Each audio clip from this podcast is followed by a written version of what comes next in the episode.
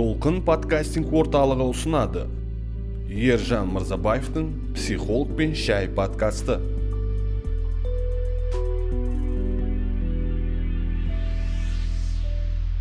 Достар қайырлы күн. Сіздермен бірге мен ержан мырзабаев отбасылық психолог және менімен бірге толқын подкастинг орталығының директоры. Эльдар құдайбергенов саламатсыздар ма? Бұл психолог пен шай подкасты толқын подкастинг орталығының студиясында жанұялық психолог және отбасылық психолог және отбасы академиясының негізін қалаушы. Иә ержан мырзабаев ә, біздің психолог пен шай подкастының ерекшелігі білесіздер бір эпизод бір сұрақ бір жауап. Біз әрдайым бір сұрақ төңірегінде көп уақыт алмай көп жан жаққа шашырап кетпей нақты нақты оқырмандардан келген сұрақтарға жауап беруге тырысамыз эльдармен бірге сол мәселелерді талқылаймыз. Кеттік. Бүгін қызық сұрақ келді эльдар ә, обычно киноларда әндерде кездесілетін тақырып махаббат қанша жыл сүреді дейді. О қызық сұрақ. Мен енді қанша кинолардан әндерден естуімше үш жыл дейді. Және ол ақпарат айтады біз дейді зерттедік дейді ғылым сөйтіп айтып отыр дейді. Махаббат дейді үш жыл өмір сүреді бірақ мен шынын айтса сенгім келмейді маған үш жыл аз. тағы көбірек болсыншы дейсіз иә. Хотя бір жетпіс. Ну плюс осы кезден бастап жетпіс жыл болса нормально. Иә. Бұның осындай сұрақ келді. Қызық сұрақ шын мәнінде. Махаббат қанша жыл өмір сүреді? Сіз үйленгеніңізге қанша болды?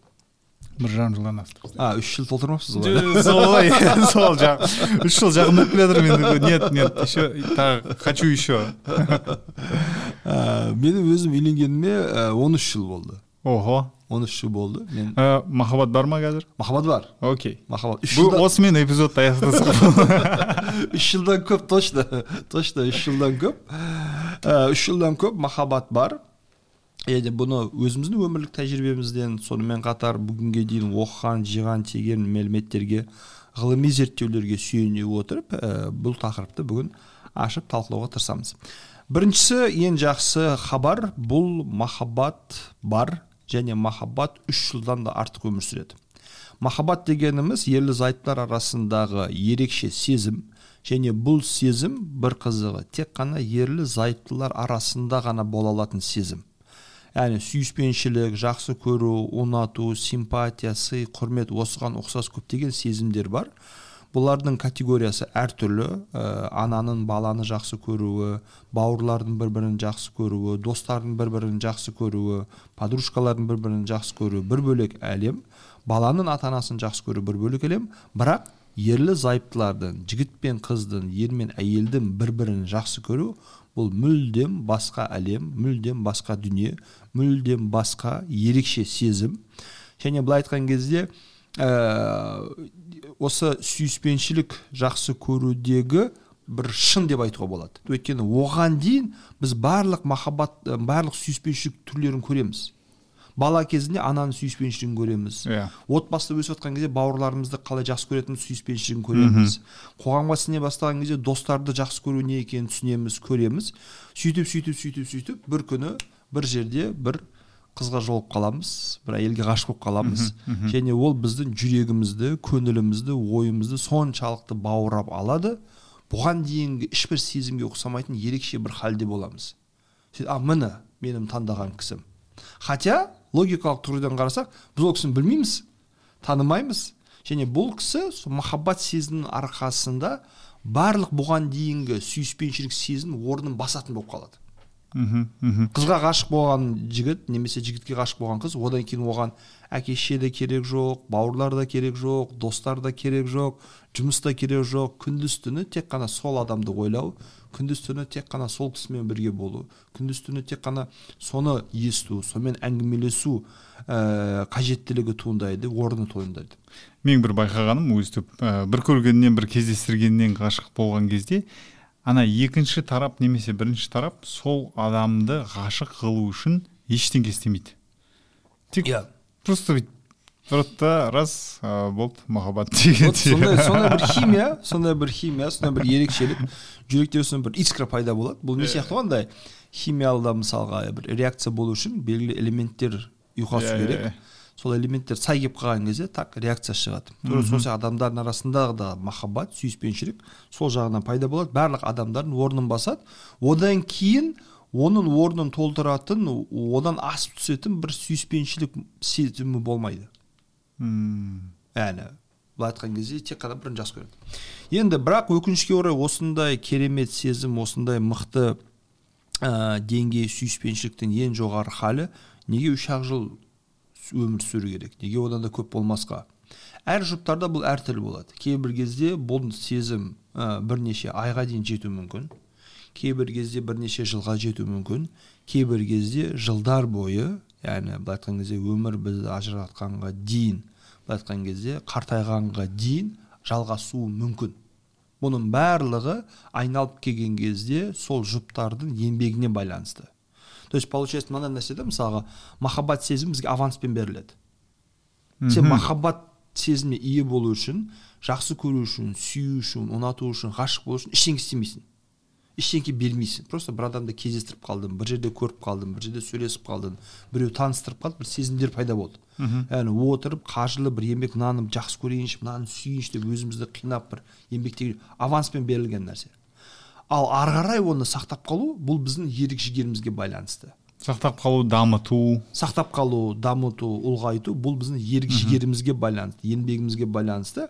Мысалы біз қазір ә, сізбен бірге шай ішіп отырмыз. Иә мысалға шай не? Ә, қаншалықты ішіне шай болса да андай ә, махаббатты түбі тесік стакан сияқты қарау керек. Яғни әрдайым ағып тұрады әрдайым азайып тұрады әрдайым кетіп тұрады. Сіз бастапқыда үйленген кезде шай ана шайдың стаканы мысалға толып тұрған сияқты болады да вау күшті өлем күйем сүйем керемет махаббат дейсіз. Бірақ уақыт өте келе ана тесіктен ол ағып кете береді әрдайым. Мхм. И бұл қаншалықты үлкен тесік қаншалықты тез ағып кетеді қандай объем бар еді сол сияқты орталама үш жылда адамдарда махаббат сезімі тосып қалады да а болды біздің махаббат бітті дейді. Мысалға ә, көптеген ә, енді өнер саласында жүрген адамдар деп айтайық. Қазір көңілдеріне алып қалмасын бірақ өмірдің шындығы бұлар белгілі бір вдохновление іздеу үшін табу үшін шабыт келтіру үшін жиі ә, ғашық болуға тырысады. Yani біреумен үйленеді екіншісімен үйленеді онымен ажырасады төртіншісімен анамен мынамен бес алты рет ажырасып үйленіп ажырасып үйленіп қосыла береді. Әрдайым сондай бір махаббат сезімі өйткені сол сезімде болмаса ән айта алмайды. Өлең шықпайды өлең жазылмайды. Шығармашылық бір шабыт келмей отырады. Сөйтіп жаңадан әрдайым бір сезім арқасында болады. Бұл дұрыс емес бұл қате ұғым. Ә, соны айтып отыру керек. Ә, стакан азайып бара жатыр азайып бара жатыр азайып бара жатыр. Үш жылдан кейін жетті. Одан кейін ойлайды а все бітті. Не істейміз енді? Ну жарайды айырылысайық енді. Бір бірімізді жақсы көрмейміз ғой қалай ары қарай өмір сүреміз? Иә бірімізді біріміз қинамай ақ қояйық. Қинамай ақ қояйық деп қалдыра салады. Ал негізі басынан бастап окей мен сені жақсы көремін қолымызда бір литр махаббат бар. Бірақ бұның түбі тесік. Түсініп жатрсың ғой түсініп жатырмын білеміз ғой білеміз. Значит біз бұл махаббат сезімінің минимумға кетіп қалмас үшін бітіп қалмас үшін әрдайым толтырып тұрамыз. Әрдайым салып тұрамыз. Әрдайым жаңартып тұрамыз деп өзімізге уәде беріп сөз беру керек. Яғни бір ә, инфантильный ә, түсініктегі сезімдегі адамдар болады которые ойбай ештеңе істемесек те осылай ойылып күйіп сүйіп жүре береміз деп ойлайды да.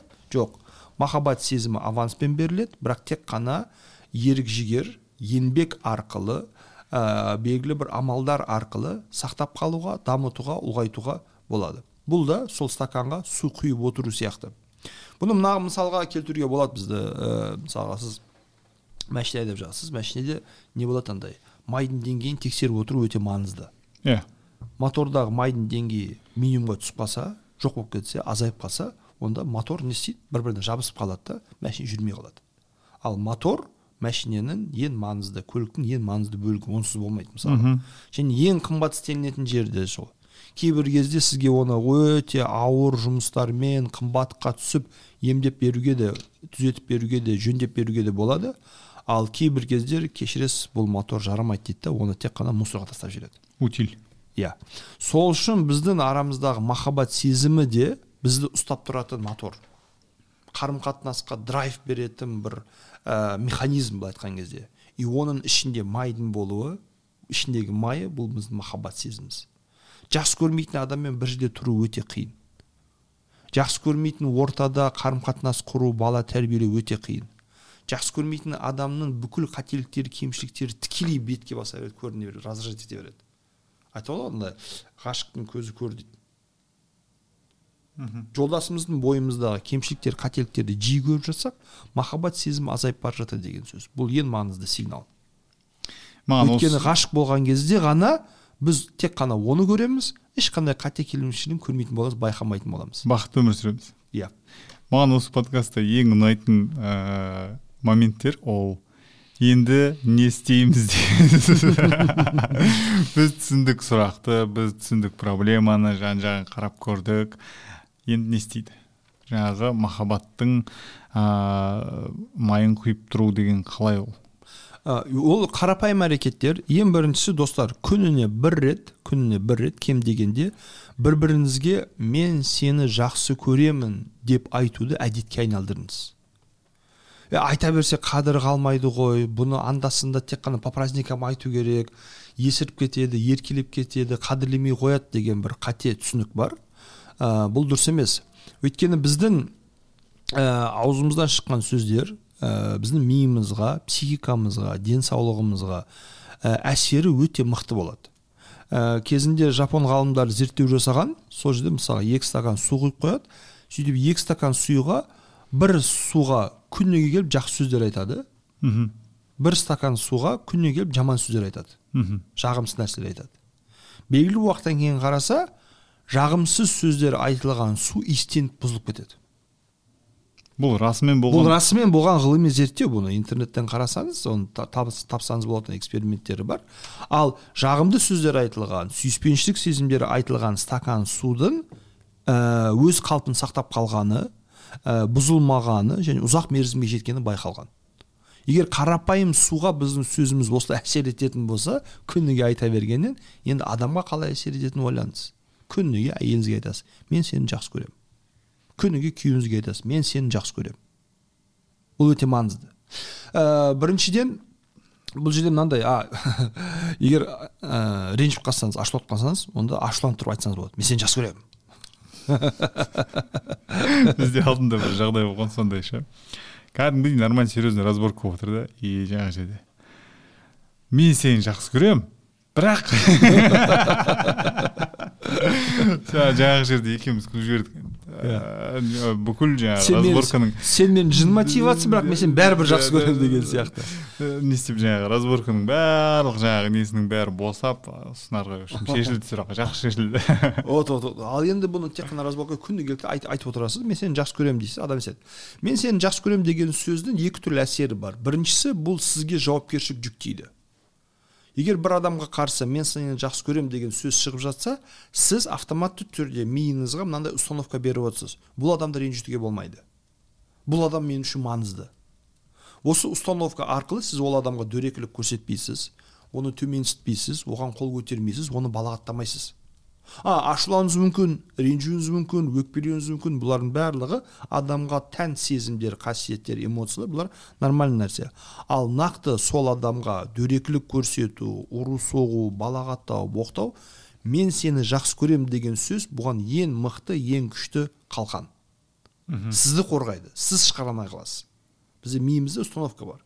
Мысалға қалайша біз клиентпен клиентпен жұмыс істеген кезде көшеде жұмыс істеген кезде магазинге барған кезде бөтен адамдармен кездескен кезде автоматты түрде сыпайы болып кетеміз. Саламатсыз ба? Қош келдіңіз. Бер жібересіз ба айтып жібересіз ба өтіңіз деген сияқты керемет түрде сыпайы болып кетеміз. Неге? Установка бар. Бөтен адамдармен сырттағы адамдармен сыпайы болу керек. Бастығының алдында сыпайы болу керек. Клиенттің алдында күліп тұру керек деген сияқты. Қаласақ та қаламасақ та біз оны істей береміз.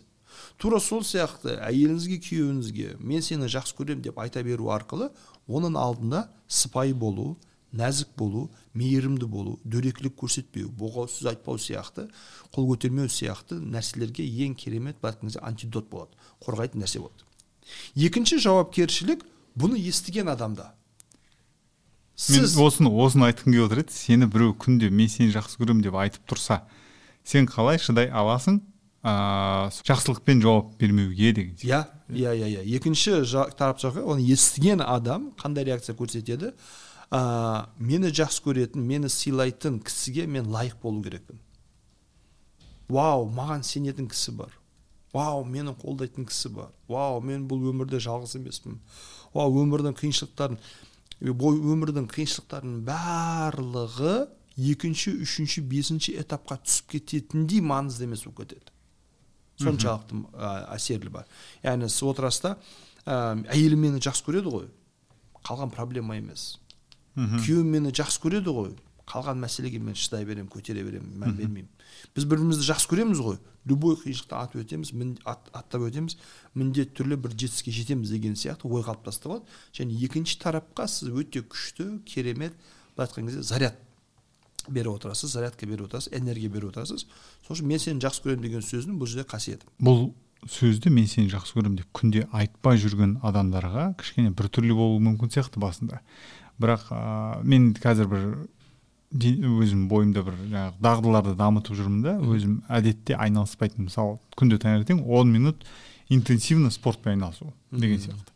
Басында үйреншіксіз болды басында ыңғайсыз болды жасағым келмеді содан бір күні ой болды жарайды все жасап болдым деген сияқты. Бірақ соны қоймай қоймай міне осы апта менде үшінші апта. Иә прям қоймай істеп жүрмін. Ыыы и мен кеше менің ойлағаным жасап болдым да прям ана спорттан бір рахаттандым ше. Мә мен екі апта толық иә екі апта толық қоймай жасап келе жатырмын. Қандай керемет денемде бір кішкентай нелер пайда болған.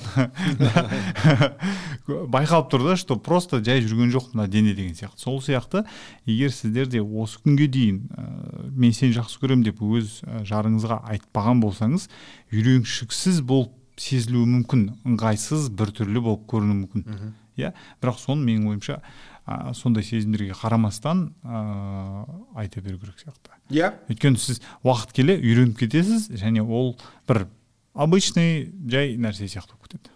Ә, обычный жай нәрсе демейік бірақ андай қиын болмайды. Иә қиын болмайды сіз үйреніп кетесіз деген ғой. yeah. и оған тәуелділік пайда болады.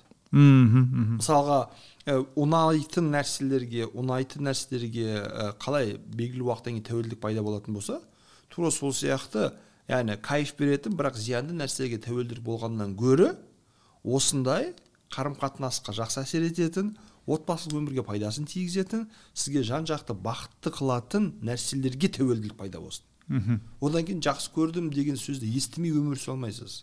Жақсы көремін деп айтпай өмір сүре алмайсыз. Тәуелдік болып қалады. Е айтсайшы айтпадың ғой деген е маған жарайды жақсы көремін деген сияқты. Ә, айтуым керек дейді и бұл жұптарды бір біріне байлайтын нәрсе. Ә, екіншісі бұл жерде отбасылық традициялар салт дәстүрлер семьяны отбасы мүшелерін бір біріне байлайды. Ә, сол махаббат сезімін жандандырады. Өйткені ә, арамыздағы махаббат дегеніміз не? Махаббаттың көрінісі болу керек. Ә, сезімнің белгілі бір шағылысы болу керек.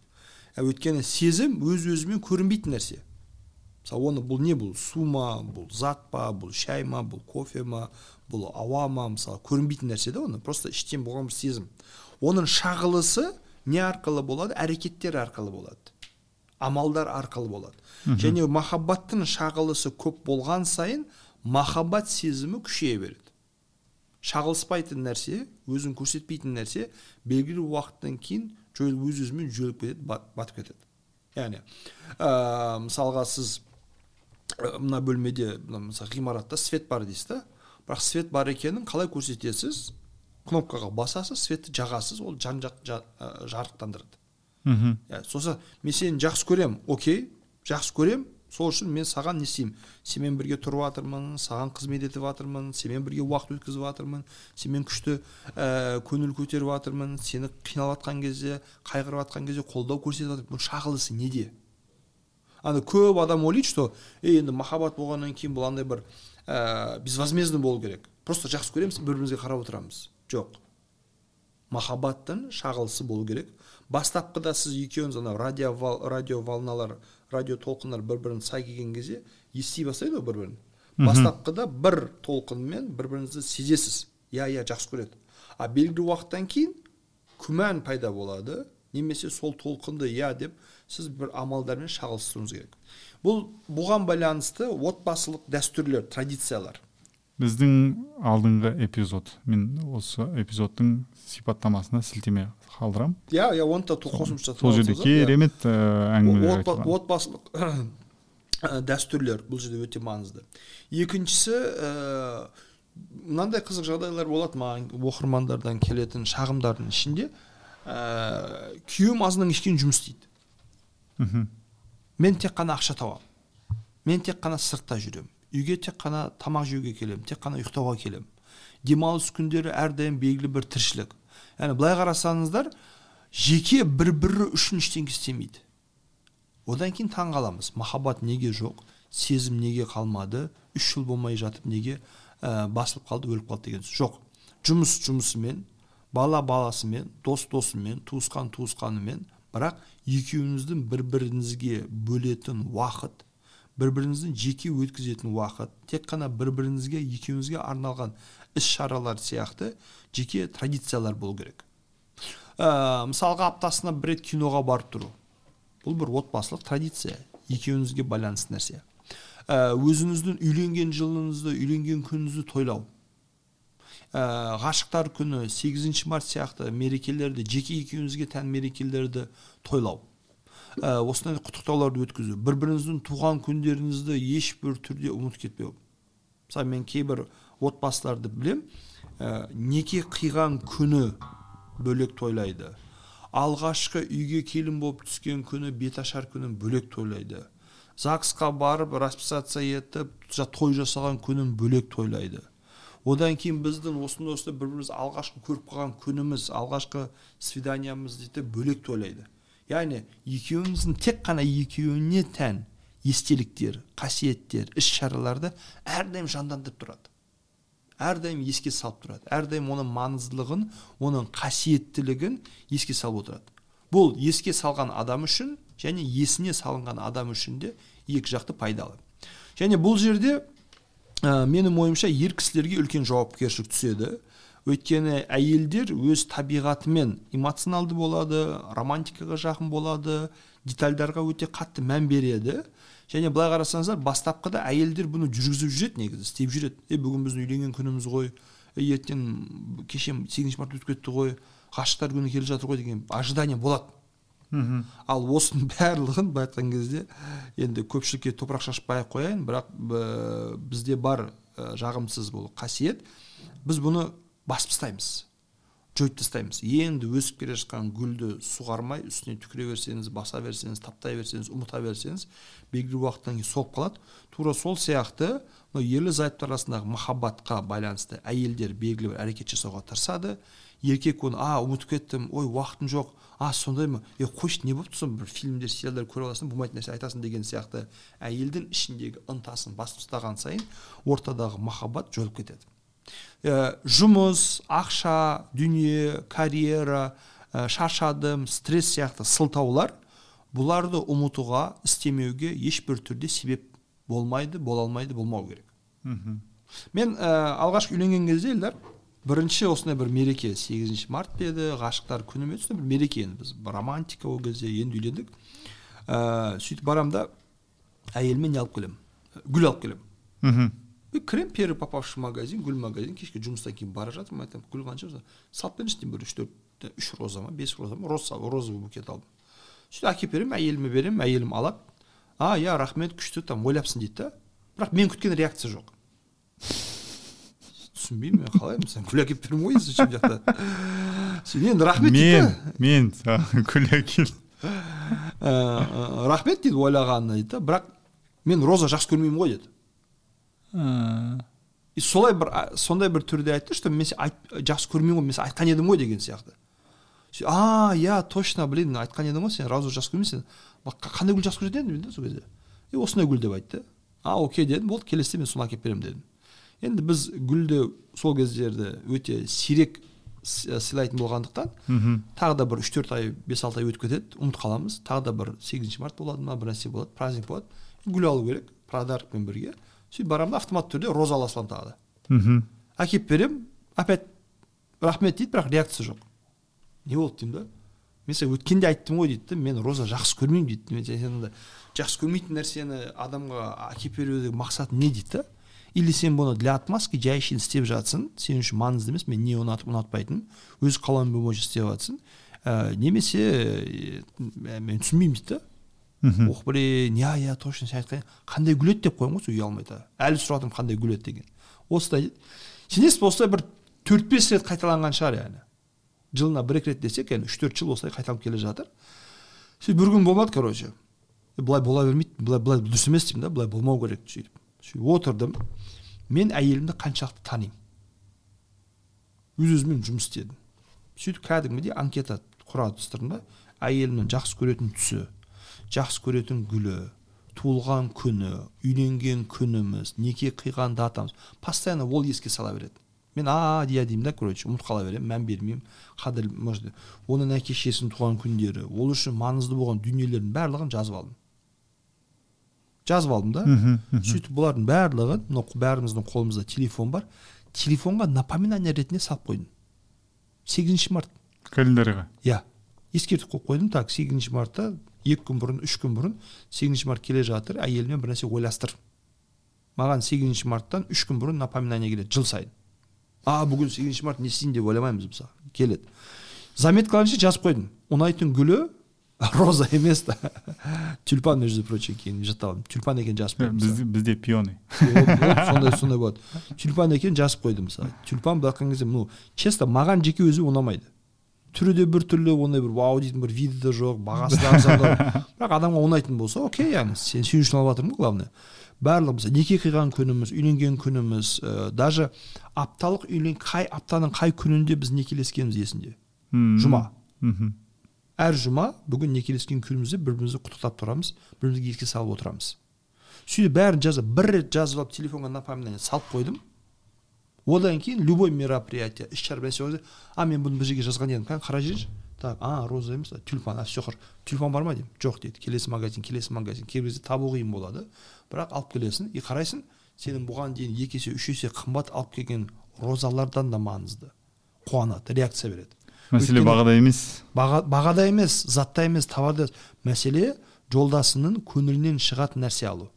Мәселе оның көңілінен шығатын нәрселерге мән беретінді көрсету қадірлейтінді көрсету. Естественно тура осындай отдача болады. Ә, мен өзім ә, практикада маған хабарласатын келетін клиенттермен жұмыс істеген кезде көмек сұрайтын адамдармен көмек істеген кезде байқайтыным жалпы әйелдерде ондай нәрселерге наклонность бар. Көп жағдайларда ер кісілер бұны бұзады.